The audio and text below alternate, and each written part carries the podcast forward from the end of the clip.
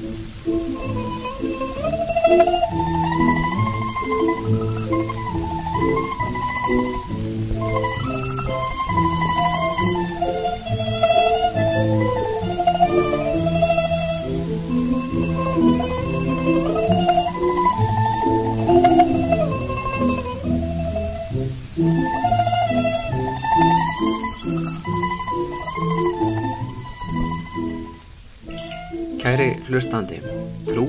Á drauma? Það er að segja, trúir því að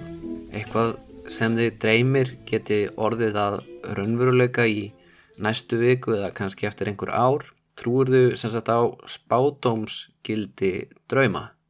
Um, þetta er svolítið skrítinspurning en það er alveg fullt af Íslendingum, uh, jafnvel alltaf helmingur sem trúir því að draumar getur verið fyrirbóðar um eitthvað og hafi merkingu og þetta er mjög algengt trú í, í mjög mörgum menningarsamfélögum. Uh, þar á meðal Japan uh, sérstaklega til forna. En hvað ef ég segði þér að þú gætir selt eða keft góðan draum? Já, þú getur losað þig við slæman fyrirbóða með því að selja hann og þú getur keift þér gæfu af einhverjum öðrum sem kannski vantar peningin meira en uh, góða draumin. Uh, ég veit ekki alveg hvað þið myndi finnast um það en á 12. öld í Japan þá var þetta þjóðtrú sem var til og stunduð að einhverju leiti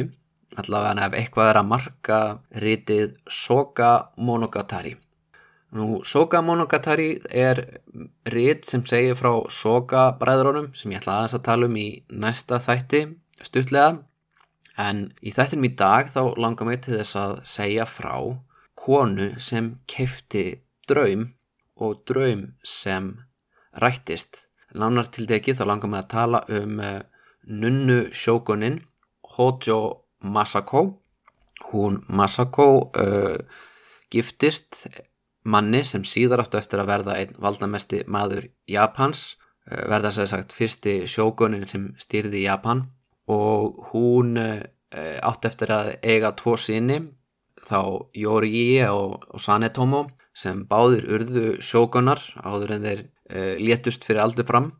og á endanum þá átti Hojo Masako eftir að stýra Japan í nafni uh, sjókuns sem hún ætleti af því hún hafði ekki fleiri sinni sem gáttu erft ríkið. En uh, saga okkar hefst í æsku hennar Masako, eða æsku að úlingsárum hennar skulum við segja, þegar hún og sýstir hennar sátu saman og voru að spjalla og sýstir hennar segir Masako frá því að sig hafi dreymt mjög sérkennilegan draum. Hanna dreymdi að hún hefði í hendi sér sólina og tunglið og Masako, verandi þetta klækja kvendi sem hún er, átt að segja á því að þetta er opaslega góður draumur, þetta er fyrirbóðum eitthvað gott. En hún segir sýstu sin ekki það heldur, segir hún, en ríkalegt, þetta er virkilega slæmur fyrirbóði og sýstir hennar verður mjög uh, áhugifull yfir þessu. Þar til hún Masako kem með tilbóð um að hún kaupi draumin og taki á sig ógæfuna og af einhverjum ástæðan þá treystir yngri sýstir hennar Masako eldri sýstir sinni það vel að hún selur henni draumin og viti menn stuttu síðar þá fær Masako bref brefið er að vísu stílað á sýstur hennar. En uh, þetta er rugglingur það þarf að segja, sendibúðin hann rugglast á sýstur honum tveimur og hann réttir Masako bref sem var ætlað yngri sýstur hennar og Masako hún opna brefið og átt að segja á því að þarna er uh, ungu maður að bjóða henni á stefnumót. Það er að segja, henn er að leggja til að þau hittist í laumi einhver staðar og eigði nóttinni saman. Og þetta er ekkit sérstaklega óalgengt fyrir þann tíma að uh, ungt fólk hittist á þennan máta. Eh, kynin voru svo litið aðskilin en, en uh, skiptust ofta á brefum og hittust í skjóli nætur. Og það var bara álitið og sköp uh, já svona sniðugt þanga til já þetta þarf að formfesta þetta á einhverjum tímapunkti. En fólk gætu verið að hittast og það er í raunin ekki fyrir en þau eru búin að hittast þrísvar í röð sem að það lítur svo á að það sé mjög, mjög alvarlegt. Og og þá er það oft gert sko, þá er oft um, höfð svona serimónia þar sem uh, foreldrar eru með í ráðum. En, en er alveg, þetta er samfélag sem er ansið opið fyrir því að ungt fólk hittist í laumi, nema hvað nema hvað maðurinn sem vil hitta yngri sýstur Masako. Nú er ég, veist, hann veit ekki að hún Masako er búin að, að stela brefinu alveg eins og hún er búin að stela drauminum uh, þetta er stríðsfangi og að vera með honum er svo litið að leika sér að eldinum út af því að þessi stríðsfangi hann batnaði stúlkuðarni í nákarenninu og uh, batnið sem hlaust af uh, þerri nótt því var drekt í læk af, af afa sínum því segja það er að segja fadir stúlkunar Uh, hann tók badnið og drekti því af því að hann hafði einfallega verulegar ágjur að því hvað myndi gerast ef það fréttist að þessi stríðsfangi væri orðin tengdasónur hans eða eitthvað álíka. Nú hún Hojo Masako, hún tekur sjansinn, hún hefur trú á því að það sem draumurinn ætlaði sýstu sinni sé núna ætlað henni Hún fer á þetta stefnumót í skjólinætur og hún heillar mannin upp úr skónum svo mikið að þau ákveða að stinga af og gifta sig. Og það er þannig sem að Hojo Masako og Minamoto no Yoritomo náðu saman. Það er að segja ef eitthvað er að marka þetta miðaldaritt sem er skrifað uh, nokkurum kynnslóðum síðar. En við megum auðvitað ekki láta sannleikan uh, spilla fyrir okkur góðri sögu. Ég er alveg til í að trúa því að draumar geti ræst og að maður geti keift eða selt drauma annara. Af hverju ekki? Það er allan á svolítið skemmtileg pæling að kaupa og selja góðan draum. Ég geti kannski selt einhverjum martröðina mína til að losna við hana. Ég geti keift af einhverjum góðan draum af því að mér vantar uh, einhverja gæfu inn í líf mitt og svo getur maður auðvitað miskilið drauma og, og lesið e, tóma vittlurs úr þeim. Hvað er maður e, seldi góðan drauma því maður held að þetta var í slæmur fyrirbóði nú yngri sýstir ennar Masako að enga síður giftist ansi vel, hún giftist líka inn í sömu ætt og, og Hojo ættin átti eftir að græða í, á þessu í heildina litið. En uh, við skulum fyrst aðeins spóla tilbaka og rifjum upp hvar við vorum í síðasta þætti að því að uh, það er orðið svolítið síðan ég gerði uh, þátt. Ég er búin að vera í svolítið langri pásu. En uh, síðast og þar síðast þá var ég að fjalla um tímabilið í sögu Japans þegar tæra ættin styrði öllu. Og tæra ættin, ég þarf ekki að rekja fyrir ykkur aftur hver hún er. Þetta eru samúræjar og þeir uh, eru orðinir ríkir uh, með gegnum viðskipti aðalega og náinn tengsl við keisra fjölskylduna og, og er á þessum tímapunkti að búin að ná eila öllum uh, mestu og stærstu landaregnunum í suðvestur hluta Japans. Í síðasta þetti þá saði ég frá honum Minamoto og Yoshitsune sem er auðvitað einn frægasta stríðisetja í, í sögu Japans og svona hetjulegur og tragískur uh, samuræi sem á alls konar uh, kabuki leikrit og já, hefur íminslettur í skrifaðu manna því hann er svona heitlandi karakter. En auðvitað fellur hann svo litið í skuggan á eldri bróðu sínum honum Minamoto no Yoritomo sem er einmitt maðurinn sem hún Hojo Masako giftist. Og til þess að skilja já, framunduna sem er hérna framundan þá þurfum við aðeins að bakka og, og átt okkur á hver er þessi Minamoto og Yoritomo og hvernig endaðan uh, heima hjá Hojo Masako? Yoritomo var 13 ára gammal þegar fadur hans Yoshitomo gerir uppreist eða valdarann þetta er auðvitað kallað uppreist því að uh, valdaránið mísefnaðist en uh, auðvitað hefði það geta hefnast og þá hefði saga Japans verið aðeins öðruvísi það hefði komið einhver annar keisari til valda og, og, og þar fram eftir gödunum en það sem e, því miður fyrir Yoshitomo gerðist var það að Tairano Kiyomori hann e, plataðan með því að taka herlið sitt út úr borginni og lýsaði yfir hann var á leðin í pílagrímsför en snúa svo fljótlega við og koma herliði Minamoto manna algjörl í opna sköldu og í kjölfarið af því þá náði Kiyomori að drotna yfir höfuborginni og keisarættinni og var skipaður Daijo Daijin, það er að segja nokkus konar uh, forsættis ráð þeirra Japans á tímabili. En uh, uh, Yoshitomo og sinir hans þeir dói flestir í átökunum. Nema hvað hann Yoritomo hann var bara 13 ára gammal og hann var því þarlegandi ekki þarna úti á vývöllunum að sveibla sverði heldur endaðan einfallega sem stríðisfangi stuttu síðar. Og af einhverjum er ákveðið að þyrma lífans uh, hann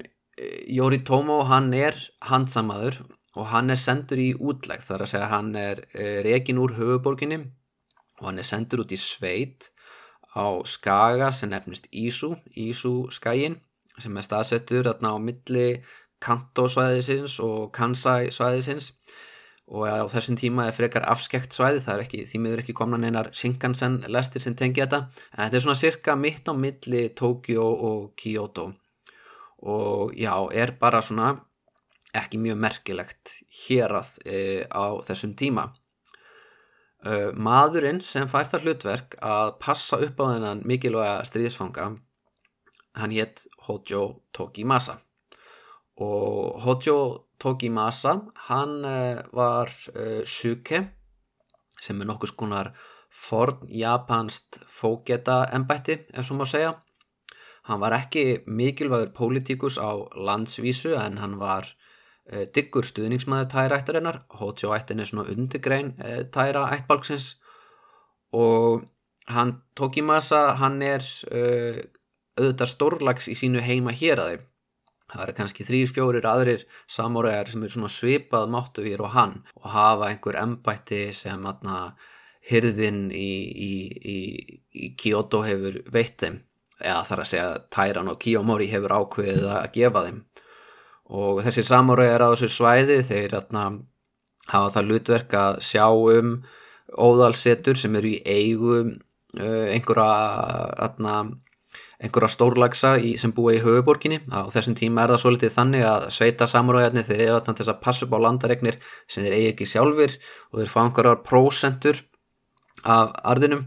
Og það er hörð samkjæfni þeirra milli út af því að e, fólki sem býr í höfuborginni gæti alltaf ákveðið að skipta út samúræja þeir eru ekki með endilega e, fasta ráðningu. En þeir hafa samt þær væntingar að að halda eh, stöðu sinn út æfina og, og, og vænta þess líka að börn þeirra fái sama hlutverk. En uh, það er ofta tíðum þannig að þessar sveita samúræði ættir það er eigið innbyrði steilum, það eru hemdir á, á, uh, á milli ættalína, bara svipað á Íslendingasögunum. Fólk er mjög móðgunagjant og, og þarf fram eftir. Stundum vísvitandi, stundum er það þannig að eitt samúræði drefur annan samúræja til þess að taka stöðu hans á honum. Og þá sendir hann einfallega höfuborginni tilkynningum það að hann hefur drepið viðkomandi en það sé nú í lægi út af því að viðkomandi hafi verið í einhvers konar uh, stundan einhverja spillingu eða verið að, að plana það að gera uppreysni eða eitthvað álíka. Og yfirleitt þá nennir fólki í höfuborgin ekki að spáa mikið í það heldur segi bara fínt þú ert ráðinn halda áfram að senda okkur skattpenning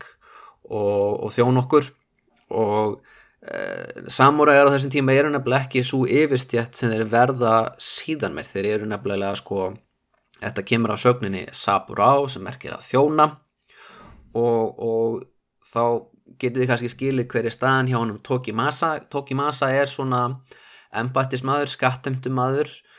um, hann er úr uh, við getum sagt millistjætt við getum sagt að öðristjættin búi í höfuborgin en hann Tokimasa er svona millistjætta maður sem þó er kannski að vonast eftir einhverju stöðuhækkun og,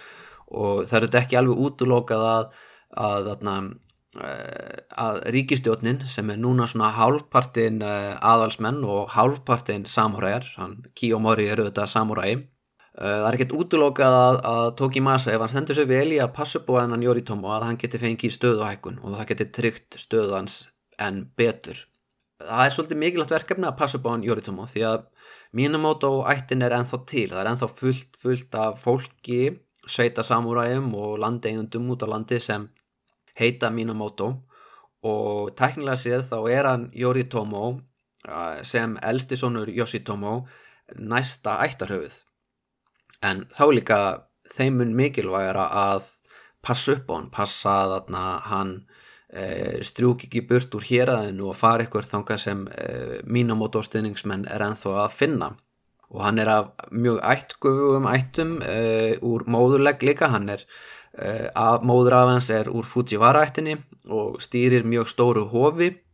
Og það gerir það verkum að að hann, Yoritomo, hann nýtur svolítið sérstakra fríðinda, hann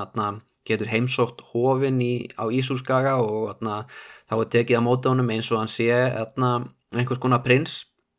sem hann er auðvitað í einhverjum skilningi, hann er náttúrulega miklu ættgöfugur í heldur en Hojo ættin sem er svona undirgrein úr stærri ættbólki. En hvaðan um það?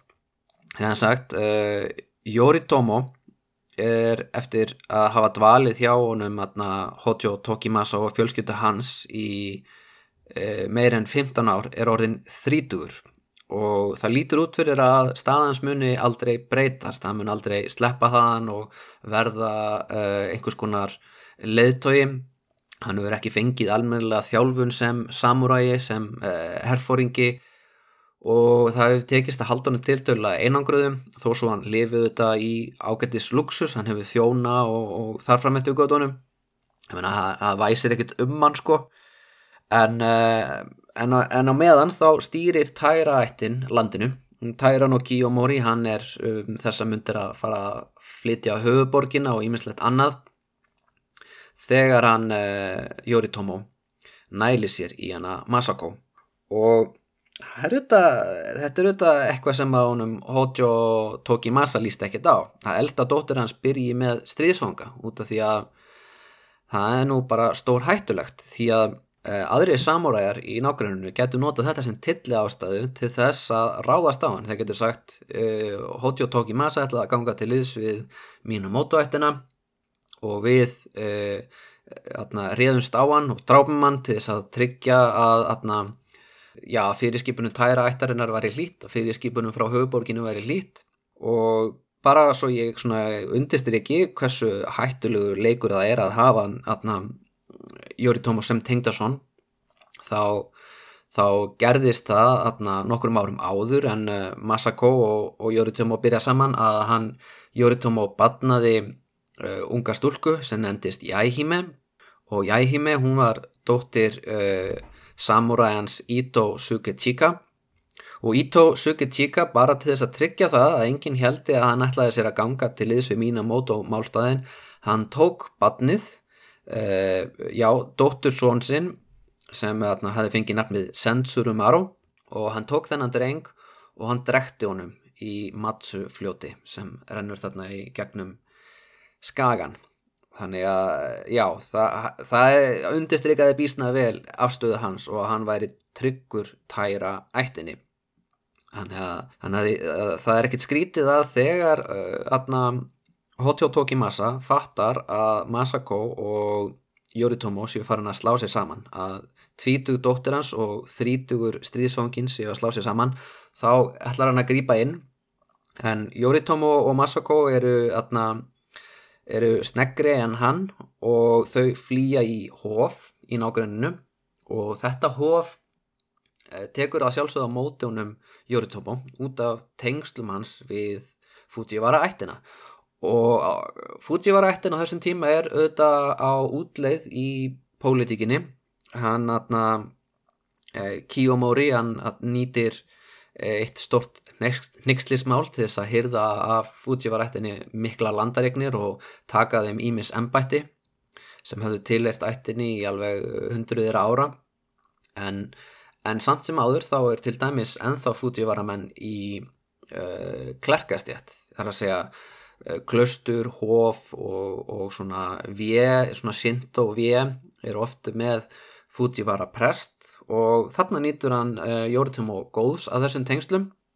að því að uh, hann Tokimasa, hann þorir ekki að eldan inn á helga grundu það er að segja ekki með vopn á lofti. Uh, hann Tokimasa, hann ætlar að koma dóttur sinni saman með öðrum samuræja úr héræðinu einhvern sem honum finnst aðeins uh, virðulegri. Já, hans að sagt finnur uh, handa dóttu sinni mann sem er Mokudai sem er önnur svona staða við uh, svipuð og, og suke. Og segja að þetta sé svona hreppstjóri eða aðstofafókit eða eitthvað álíka. En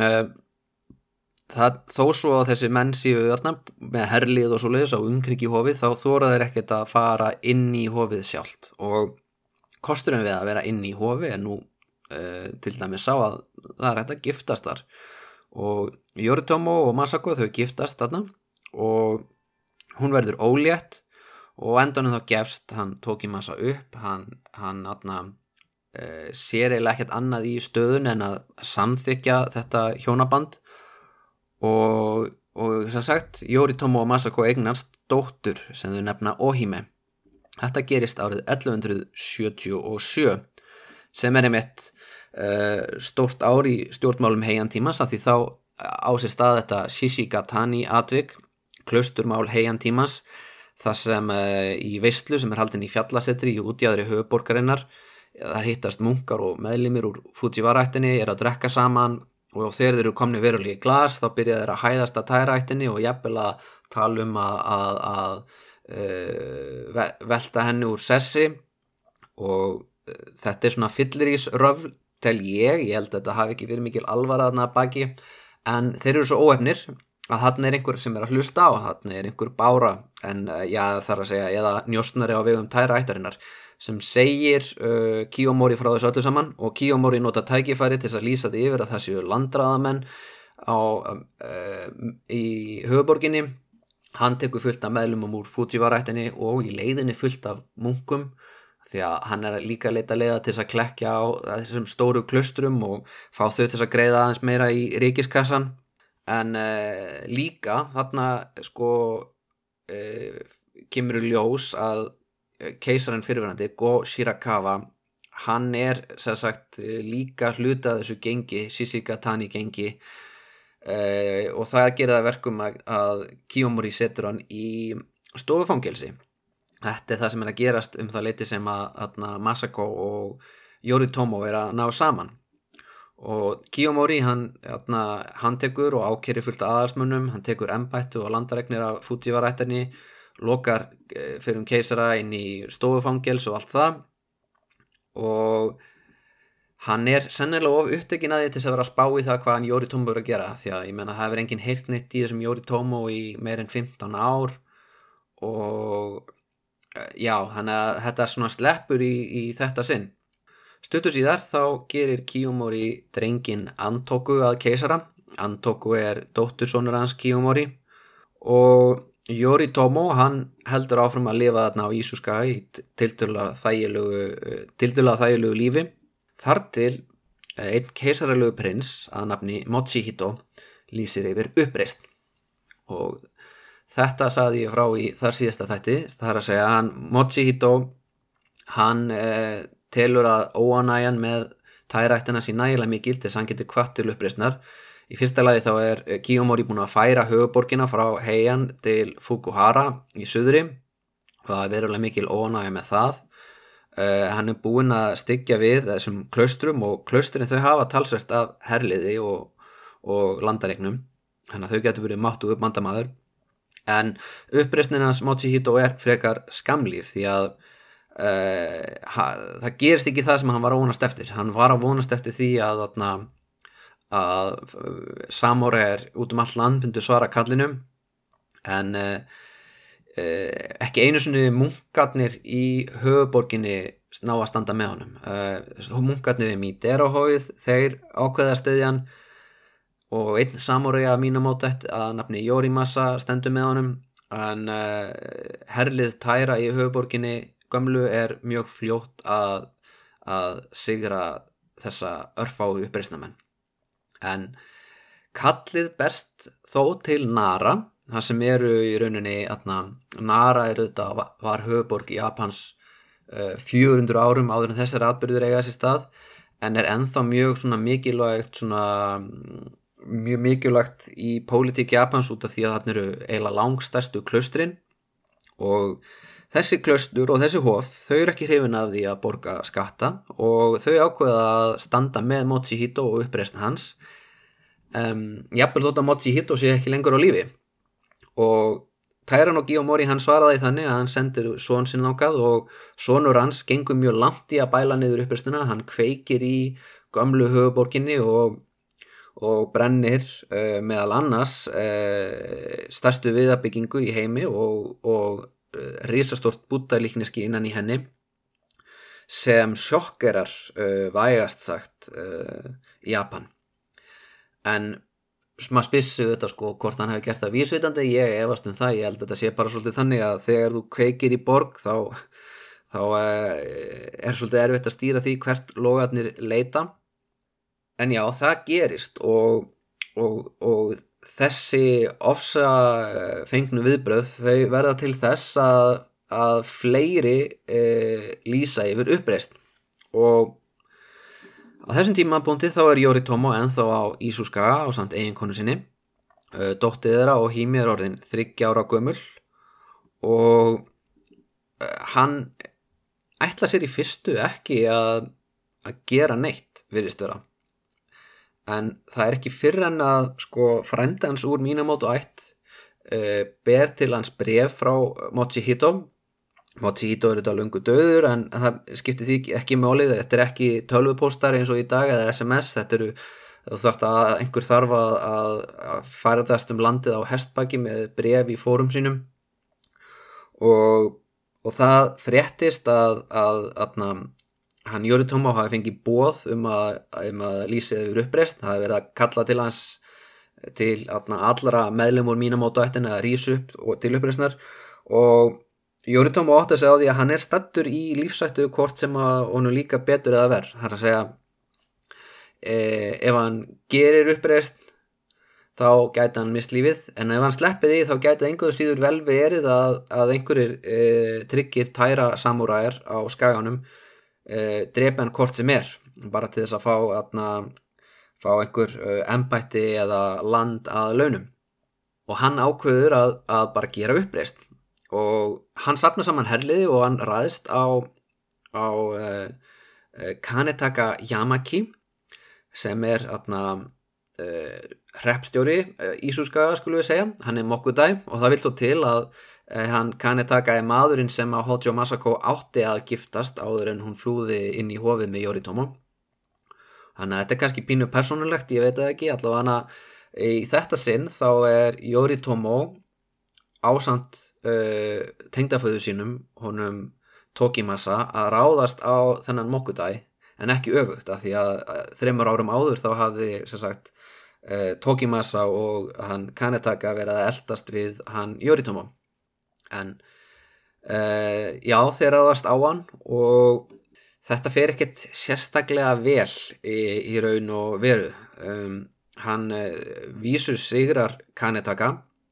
sem er svona eh, mikilvægasti ofinberi fulltrúi ríkistjórnarinnar í héræðinu en eftir þannan sigur þá uh, tapar hann frekar yllilega hann uh, tapar orustunum við Ibashi Yama þar sem uh, 300 manna herlið Minamoto og Hojo ættarinnar mætir markvallt stærra herliði tæra ættarinnar. Og þarna er meðal annars hann Ito Sukechika sem er að leiða það herlið. Sukechika er maðurinn sem að já, draf badnabatt sitt og, og fyrsta badn hans Jóri Tómo og allir það sé ekki pínu persónulegt. Þessi orðist að gæti nú að hafa verið pínu persónulegt sko, þótt að ég er svona hugsa Jóri Tómo hafa kannski svona ekki atna, litið svo á að Kanetaka hafi ógnað sig, þá hugsa ég já, ég hugsa hann að sé örglaði eitthvað pínu pínu persónulegt að námiðlega þeirra, en allavega uh, uppreistnin sem sagt klúrast og Jóri Tómo neyðist þess að flýja og hann flýr á samt tengdaföðu sínum og atna, máum sínum. Uh, Hojo Tokimasa og sínir hans uh, fylgja Jóri Tomo norður á bóin og þeir verða að skilja eftir uh, sýstur sínar og eiginkonur. Og Jóri Tomo verður að skilja eftir eiginkonu sín og dóttur sína atna, og, og þau flýja í hof. Og trist á það að samuræjarnir í nákvæmlega mun ekki þóra að ráðast inn á heilög svæði Nú, flottin hefnast betur heldur en uppreistin þar að segja Yoritomo húnum tekst að komast e, inn í Kanto fylki. Og Kanto fylki, hvað er það? Kanto fylki er stærsta uh, flatlendi í Japan og er í dag hýsir það borgina Tókjó þetta er í rauninni stærsta þjættbílisvæði í heimi með 30 miljón manna íbúafjölda og já það er ansi mikið en á þessum tíma þá var Kantó sveit og atna, kannski atna, mikilvæg sveit en einhverja síður uh, miklu minna þjettbíl og fáminnari heldur en Kansai-svæði þar sem atna, borgir eins og Heian, Fukuhara og Naniwa eru. Það er engar borgir raunverulega í Kantó. En það er sjáaþorp sem áttur að vera svolítið mikilvægt í næstu þáttum. Sjáaþorp sem nefnist Kamakura. Og við erum jú hérna við upphaf Kamakura e, tímabilsins. Svo ég aðeins aðna e, spilli fyrir framöndunni hérna. nú, nú vitið kannski hvað er í vandum við erum að fara inn á Kamakura tímabilið og það sem tímabilur er yfirlegt nefnd eftir höfuborg e, landsins á þeim tíma. Þá held ég að þið vitið hvernig þetta munir fara. En hann, aðna, Yoritomo hann hefur ímist tengsl við aðna Kamakura það er að segja Forfæður hans, hann eh, mínumótun á Yoshie, stopnaði hóf í þessu sjáarþorpi til að þakka fyrir velgengni sína í stríðum og það er eiginlega þaðan sem það kemur þessi tenging sko aðna Yoritomo við svæðið og samuræna á svæðinu. Í raun og veru þá er sko aðna kanto á þessum tíma að punti svona uh, það svæði sem er kannski með flesta uh, sjálfstæðu samuræja þetta er þarna, hefur verið vandraðasvæði á heiantímanum sko við uppaf heiantímans þá byggu frumbyggjar emisi fólkið uh, bjó aðná kantosvæðinu og einhverju þeirra voru eflaust bændur, mjög margið þeirra voru veiðimenn. En svona í kringum árið 800 þá komu samuræjar úr suðri og, og rákuð á burt eða breyttu þeim í einhvers konar uh, bændur sem atna, greittu ríkinu skatta. Og þetta var leið fyrir uh, höfuborgina til að losna við aðalsfólk sem atna, var orðið arflaust. Að segja að veist, hvað áttur að gera við yngri bræður og yngri sinni sem ekki fengu að erfa ennbætti eða erfa landaregnir Jú, þú gæstu þetta bara að gefa þeim hest og boga og sendi á norður þar sem þeir gáttu kannski tekið yfir eitthvað svæði. Og uh, þannig verður til svona samúræðin sem einhvers konar stjætt í raun og veru. Og eh, höfuburgabúarnir þeir lítaðu þetta oft niður á þá út af því að samúræjar ólíkt hirðmönunum þeir eru svona meiri í því að vinna fyrir sig með höndunum. Þeir er alltaf einhvern veginn aðeins ófýtna að vinna fyrir sig með höndunum en svo má ekki glemja því hvernig svona mm, buddhismi getur spilað inn í þetta. Eins og sko vegna þess að buddhismin hann atna, mm, lítur niður á kjöt átt og, og atna, opbeldi þá eru oft uh, lægsta stjættin í, í buddhískum ríkjum uh, slátrarar eða fólk sem vinnur með leður. Uh, og, og í atna, Japan þá var lengi vel til lástjætt fólks sem atna, uh, hafði einhverja tengingu við dauðan einhverju leiti, fólk sem voru atna, grófu lík uh, komist í tæri við lík eða voru unnu fyrir sig sem slátrarar eða við að verka leður. Allavega voru tengd við dauðan og blóðið og, og, og, og einhvern veginn voru talin að hafa sörgað sig einhvern hátt það var lagsta stjættin í svona gamla stjættakerfinu en hvernig eh, ámar að tólka samúræði þessu samingi samúræðar þeir eru þetta fást við dauðan þeir kannski eru ekki í því að, að grafa eh, lík þeir eru kannski ekki í því að slátra dýr en, en þeir vinna fyrir sér einhverju leiti með því að þarna, uh, drepa fólk eða í, í það minnsta í það minnsta hóta uh, fólki opbeldi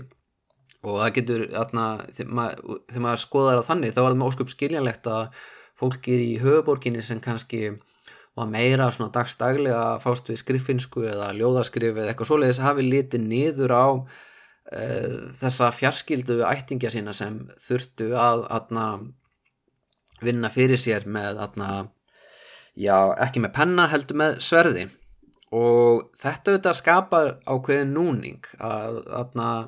því að sko höfuborgin getur ekki verið án þessara samuræja heldur eins mikið og þeir líta niður á það. Þeir þurfa einhverja skattheimtum en að núti og, og hvernig átt að tryggja það að bændunir ger ekki uppreist jú, þú verður að hafa einhverja hermenn sem er að fylgjast með þeim og hvernig getur þú treyst þessum hermennum jú,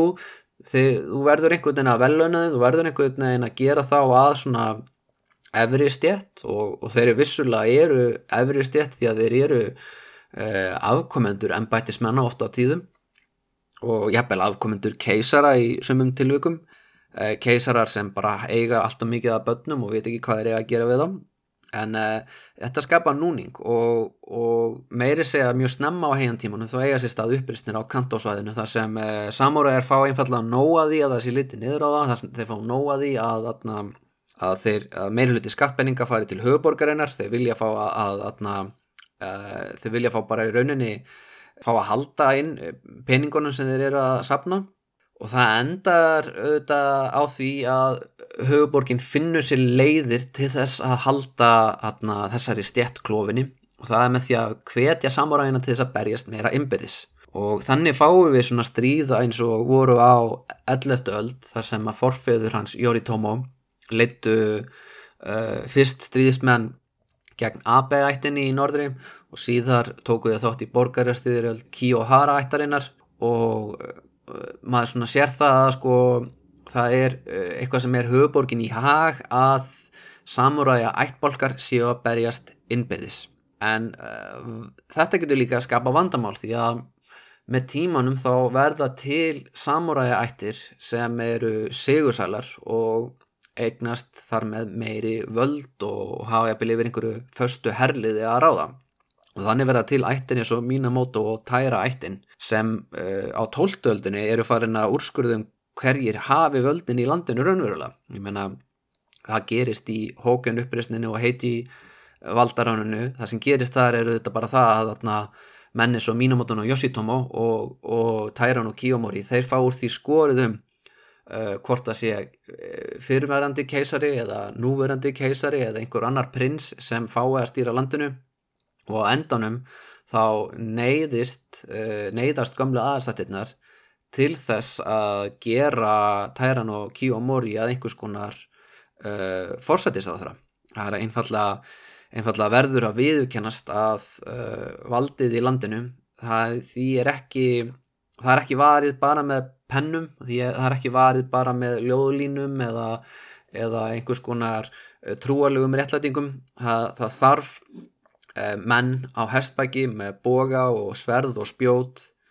til þess að skera út um uh, hver hafi völdin. Og þegar hann Yoritomo mætir uh, árið 1180 inn í kantosvæðið þá er kantosvæðið eins og eiginlega öll önnursvæði í Japan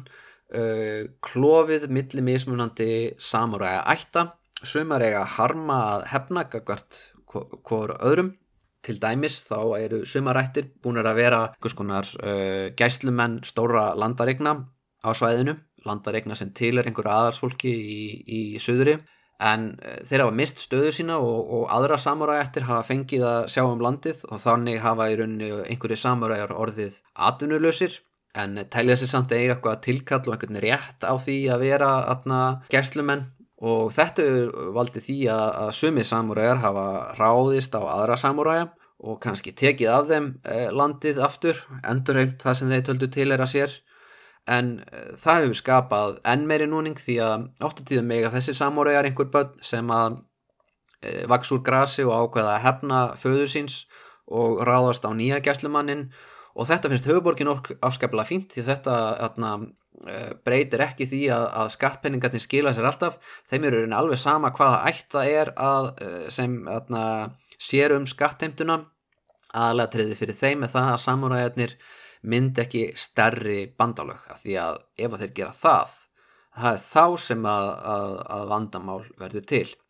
En, en auðvitað eru samúræðarnir engir hálfvitar, þeir vita það alveg að þeir myndu samna saman í stóran herr og lýsa yfir pólitísku sjálfstæði þá gætu það alveg. En gallin er sá að það er svo mikill fristni vandi þar að segja sko höfuborgin getur alltaf sendt samóræga frá öðrum héruðum í landinu og greitt þeim fyrir og veitt þeim einhver velun og, og það er svo freistandi líka að e,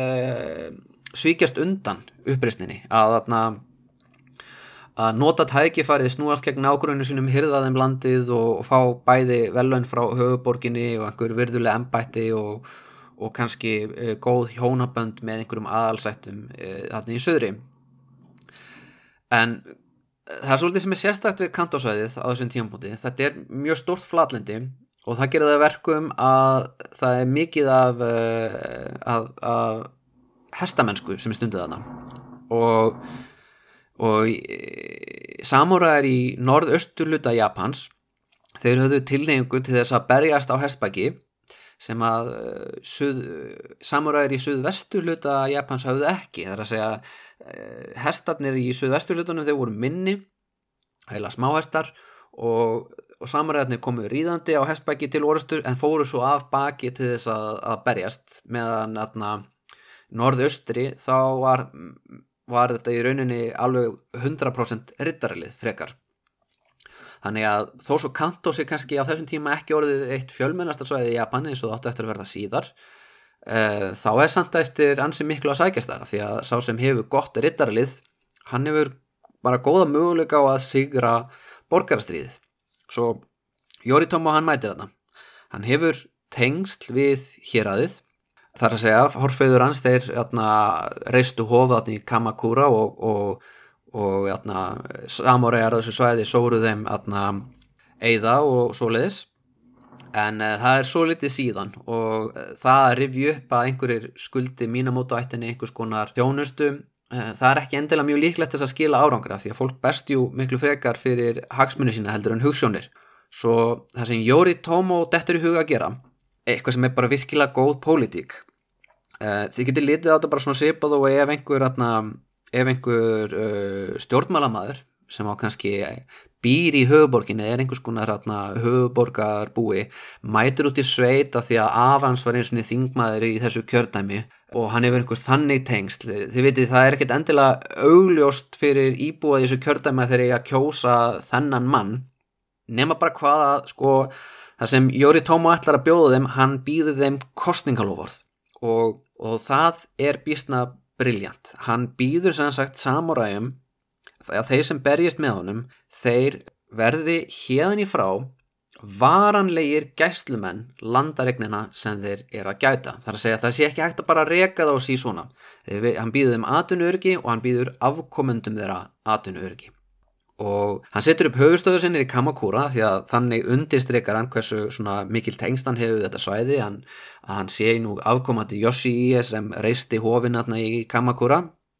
En, en hann býður þeim líka góðan díl.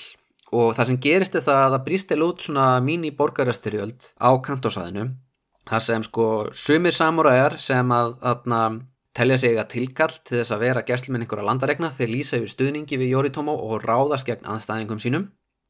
og aðrir sem að vilja endilega tryggja það að þeir eigi áfram sínar landaregnir eða fá áfram að gæta þeirra Uh, lýsa líka yfir stuðning við hann Jóri Tómo, ég vonu það að Jóri Tómo bara uh, staðfersti síðan mér veitið þeim svona stimpil. Og auðvitað eru uh, fullt fullt af samuræðum sem að standa með ríkistjóninni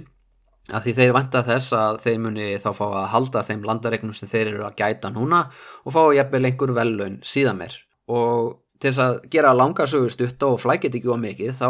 sem sagt sigrar Jóri Tómo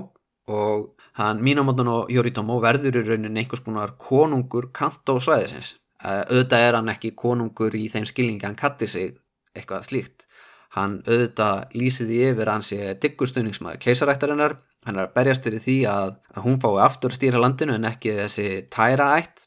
Og í þessu sammyggi er svolítið sko aðdeglisert að, að, að velta fyrir sér hver er Eh, guðin sem er tilbyðin í þessum hofum í Kamakura. Það er guðin Hachiman og Minamoto ættin hefur gert þennan Hachiman að sínu ættagóði ég er nú múin að nefna þennan guð nokkur sem áður í þessu podcasti en Hachiman hefur alltaf haft einhver svona svolítið pólitíst vægi út af því að elsta hofans sem er stætt í Kyushu það hafði í, á nara tímunum úrskurðar valdum hver er þið næsti keisari? Ég sagði frá því ég held ég 11 eða 12 þætti. Þannig að hvað er Yoritomo og hvað er Minamoto ættin að segja með því að þarna, tengja sig við Guðin Hachiman hefur kannski að segja eitthvað um hver hafi raunverulegt tilkall til þess að þarna, stýra Japan og talandum rittaralið og hesta þá sko í rannsóknarvinnu fyrir þennan þátt þá rakst ég á svolítið skondna sögu um hestin Ikesugi mér finnst þetta bara svo aðdeglisert að ég verði að fá því þannig útetúr en Ikesugi þetta er þarna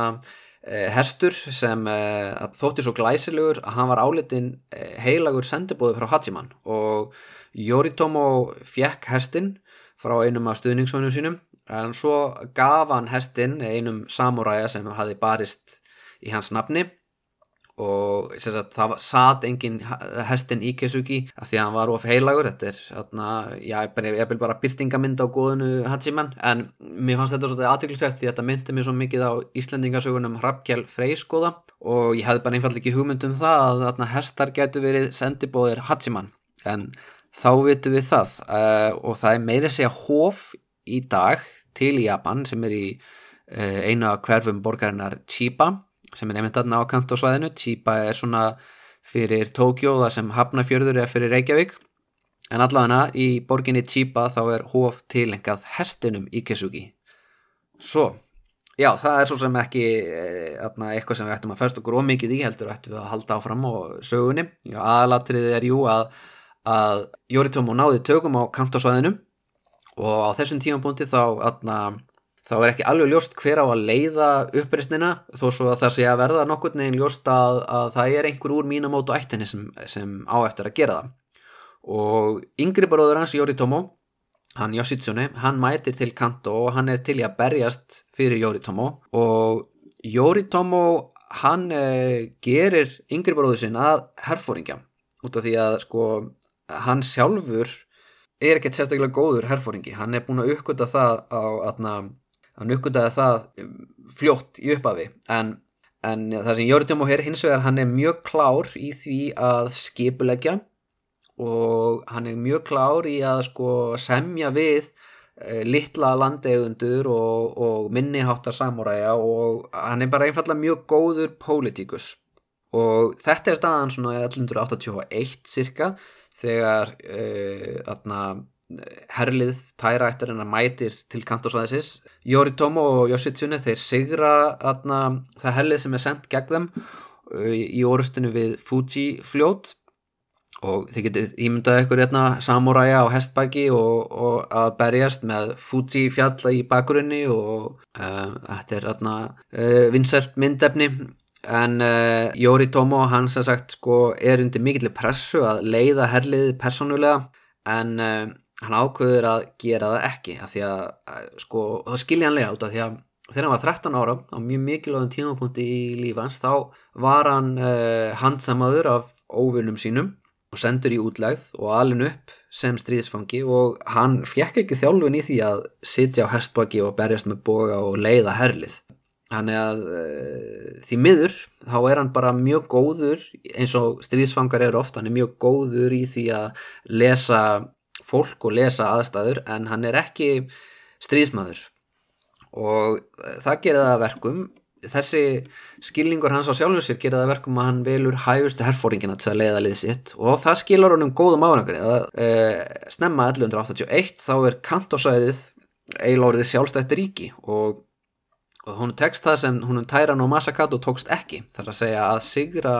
herliði sem er sendt frá höfuborginni til þess að bæla niður uppristina og ég hugsa við látum þetta nú duga í dag. Það er um þetta leiti í byrjun ás 1181 sem hún Hojo Masako kemur til Kamakura og fer úr því að vera flottakona inn í einhverju litlu hofi í, í heimaheraði sínu yfir í að vera já, drottning má náttúrulega segja og þegar það er að segja að hún er upplýðið það að hún er gift uh, leðtúa upprýsnarinnar og hún er, uh, já, valdamesta konan á kantósvæðinu. Það er tölverið stöðuökkun úr því að vera leinilega ástkona í féluminn í einhverju hofi. Og stutt eftir þetta þá á hún eftir að eignast sinn fyrsta són sem atna, verður notaður sem pólitísk skiptimynd í borgarastriðinu og ég ætla að fara aðeins ídalega í þetta borgarastrið í næsta þætti. Það, þarna, þó svo þið getur hlustað á þáttunum Yoshitsunu að fengja eitthvað ákveðna mynd af henni þá held ég að það væri eh, skemmtilegt og gaglegt að fara eins nánar yfir það og, vunum eh, ræða sokabræðuna sem eru atna, mjög sko, merkilegt, menningalegt fyrirbæri frá Japan. En, en þetta ásennilega eftir að verða svona þryggja þátt að serja